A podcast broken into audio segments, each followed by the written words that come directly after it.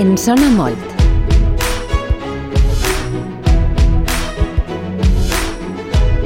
Amb, Isab amb Isabel Ferrer, musicòloga. Bona vesprada. Bona vesprada. Com va la cosa? Molt bé. Molt bé, a veure, avui Preparats. pre- preparades i preparats. Avui ens proposes eh, esta música.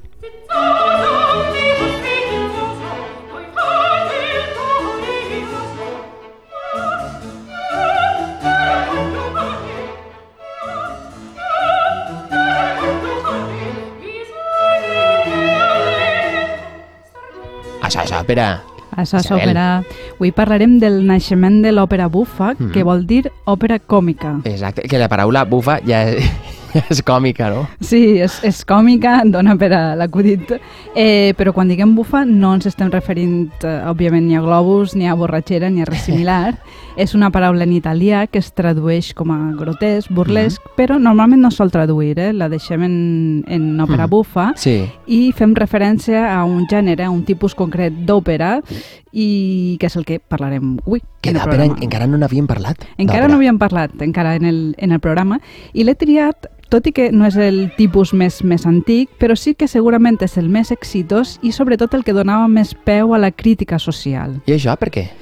Doncs tot segurament en el cap tenint l'òpera com, un com un espectacle seriós, llarg, car, prestigiós, però sovint, per diversos mo- motius, restringit a unes elites. Sí, però això de cars ja no és de veres.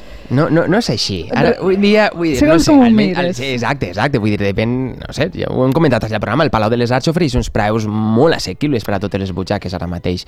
Però, bueno, eh, que avui en dia això, que si, si volem, tal volta podem una miqueta Podem, més. podem fer un esforç eh, per anar a l'òpera, però al principi de tot, encara que vulguérem fer l'esforç, era un espectacle, era un espectacle, unes obres teatrals que es cantaven en la seva totalitat, i la diferència amb altres tipus de teatre, però eh, que estava, se solia interpretar en ambients aristocràtics. Uh -huh. Les temàtiques del llibret, és a dir, el que és l'argument, estava basat en temes mitològics perquè amb aquests temes un poc el que es legitimava parlant de déus era el propi poder dels Ah. dirigents, dels, dels eh, rea, De l'establishment. Exa exactament. Eh, tot i que avui no parlarem d'això, de l'origen de l'òpera, ja parlarem un altre dia, sí que m'agradaria que escoltàrem eh, la primera òpera que conservem, que és eh, l'Eurídice, de Jacopo Peri, eh, composada el 1600.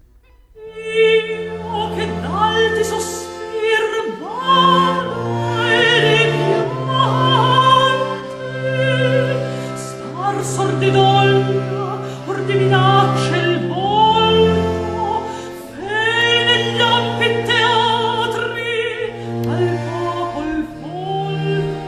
Això en el seu moment va impactar, va agradar molt i a poc a poc l'òpera es va anar enxamplant el Mm. públic, entre altres coses gràcies a la construcció de nombrosos teatres. Avui dia tenim molt assumit que totes les ciutats tenen la seva sala de teatre, una o diverses, inclús el seu auditori, però, actual, però abans no era així. Mm. Els teatres, com els coneixem, de fet, comencen a construir-se en aquest moment. Gràcies, entre altres coses, a, a l'òpera, vaja. A, a, Va a- col·laborar, sí. Sí, no? els, els dirigents varen decidir que invertir fent un teatre era Clar. també una bona forma, entre moltes altres coses, de... Sí, però era, era una de les diversions principals que hi havia i aleshores també els governs també eh, Invertien oferien, en no? això, no? Clar, era també clar. una forma de- d'autopromocionar-se. Mm. Aleshores, l'òpera, que va néixer en, en Itàlia, ràpidament passà a França, a Anglaterra i en general a tota, es va estendre per tota Europa. Mm. El que passa és que quan imaginem l'espectacle, nosaltres segurament pensem en una sala oscura, eh, en silenci, tot el món esperant, esperant que, que comence, Ben arreglaets. ben arregladets, i en realitat al principi no era, no era gent així, hi havia molt de soroll, les obres eh, intercalaven xicotetes peces de varietats còmiques, de- d'espectacles, de, de llums... Què em dius? Sí, entre, entre, entre l'argument i una cosa molt important és que les companyies quan anaven a una ciutat adaptaven l'obra a, a, a aquell lloc per a que la gent ho entenguera millor. Ostres, ostres. És, és un poc com el, com el que fan les grans cadenes d'alimentació internacional, no? Exactament. Agafen el- els gustos de cada lloc els adapten al supermercat. Però inclús de vegades era més concret perquè ho adaptaven a una ciutat. Aleshores, amb l'òpera l'adaptaven l'argument al que Mm. passava en aquell moment. Però va arribar un moment, passats eh, 70, 100 anys, en què, en paraules d'avui en dia, la fórmula d'èxit que eren llargues obres en temes mitològics a l'estil de Didogenés, Mhm. Perseu, Alceste, es va esgotar. I les obres eh, mitològiques van començar a aparèixer a la gent peces molt llargues, amb temàtiques de déus i herois que ni els anaven ni es tornaven, tot massa seriós i moralitzant. Sí. En resum, l'òpera començava a ser un avorriment. I, i, i ostres, i què feren? Com se soluciona això? Perquè l'òpera no es va acabar, avui en dia encara en tenim, d'òpera. Van apostar per fer unes quantes reformes tècniques i cada vegada més les òperes incloïen, que això agradava molt, moments eròtics, paròdies, etc. I això també s'agrada avui en dia. Sí, sí, ja, no, és, no és tan diferent, ja veurem.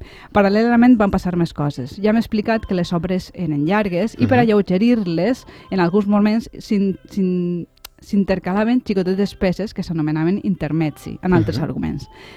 D'estos intermezzi n'hi havia unes peces xicotetes que van començar a mm, triomfar molt. Eren peces còmiques eh, que tenien uns personatges prototípics Uh -huh. que en compte de parlar, diguem, la llengua nacional, parlaven la llengua regional i regional en el sentit que no tenia estat, o hi ha uns personatges burgesos que també apareixien, estaven les dues classes socials, Sí. eh? els burgesos i, diguem, els, avui ja sí diríem llauraors, Sí. la gent del poble, eh, que els burgesos també parlaven la llengua principal, però la parlaven d'una forma un poc... Mm, Més col·loquial, Més diguem-ne. col·loquial, Això és un poc com, exactament. com el que succeeix en els sainets, no? És una cosa molt valenciana, Era com, també. un, era com un protosainet, però Sí. en italià del segle XVIII i de Nàpols, que és el sud d'Itàlia. Sí. I això sí que triomfa. Això sempre, sempre funciona i va triomfar molt. I l'èxit el devem sobretot a una peça que s'anomena La serva padrona, escrita per un compositor que que es deia Giovanni Battista Pergolesi. La serva padrona, la traducció de la serventa patrona, seria? Sí, més o menys seria així.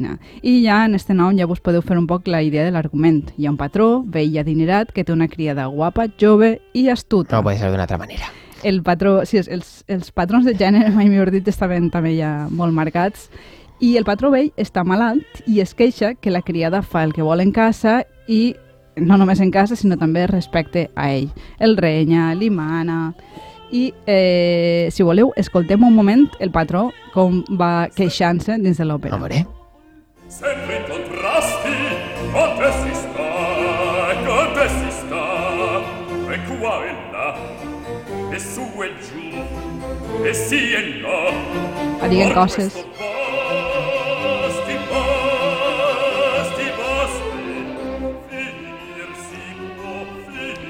La criada té un objectiu, que és casar-se amb el senyor. Mm -hmm. Aleshores, si voleu, ara escoltem el moment en el, en el qual ella, és, és un duet en el qual ella li va dient veig en els teus ulls que encara que em digues que no vols casar-te amb mi, és que sí. I el senyor de la casa li diu que d'això res, que ella vola massa alt, que ella és una classe alta i ella és només una serventa. Che se mi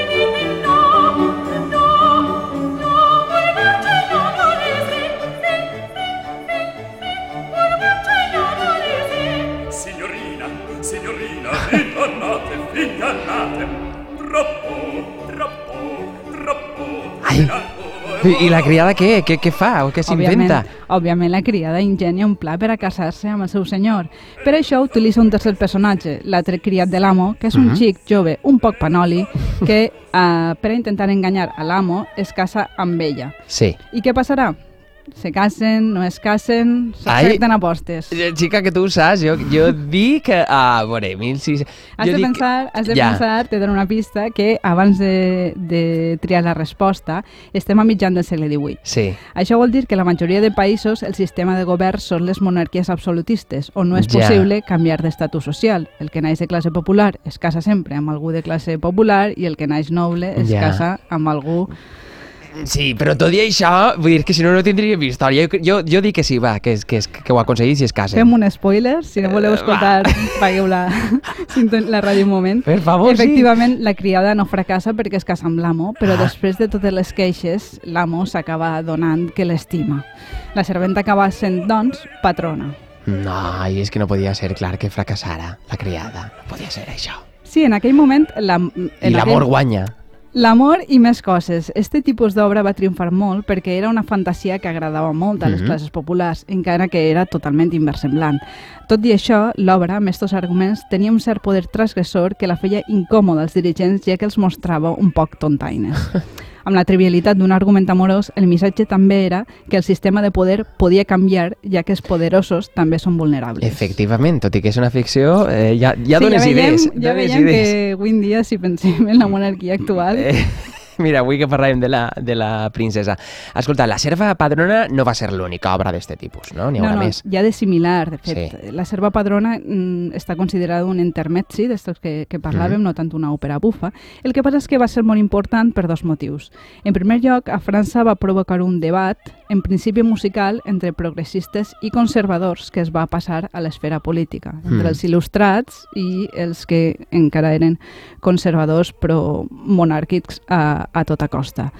I en segon lloc, sí que va consolidar el gènere de l'òpera bufa, que duraria més de 100 anys i que es contraposaria a l'altre gènere de moda en aquell moment, que era l'òpera sèria. Mm -hmm. I ara volem saber més de l'òpera bufa, perquè ha sigut una miqueta curtet, això. Jo Doncs, promet que un dia o diversos parlarem un poc més eh, d'òpera bufa i per a, i per a qui en tingueu ganes vos dixe la que està considerada una de les òperes bufes més famoses.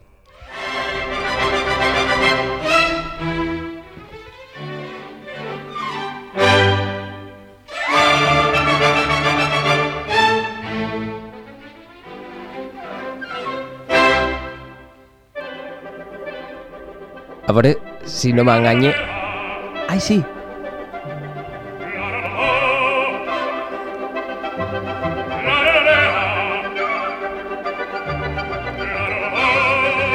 Que a més, eh, en publicitat també s'ha emprat. Sí. Vull dir, és el, és el Barbieri? Dir-me que sí. Exactament, Ai, sí, Vale. és el Valver de Sevilla. Ai, eh, esta obra és eh, prou més tard eh, que, que la Serva Padrona, Mm -hmm. però mm, és un triomf absolut i una de les obres més importants del gènere. I tant que sí.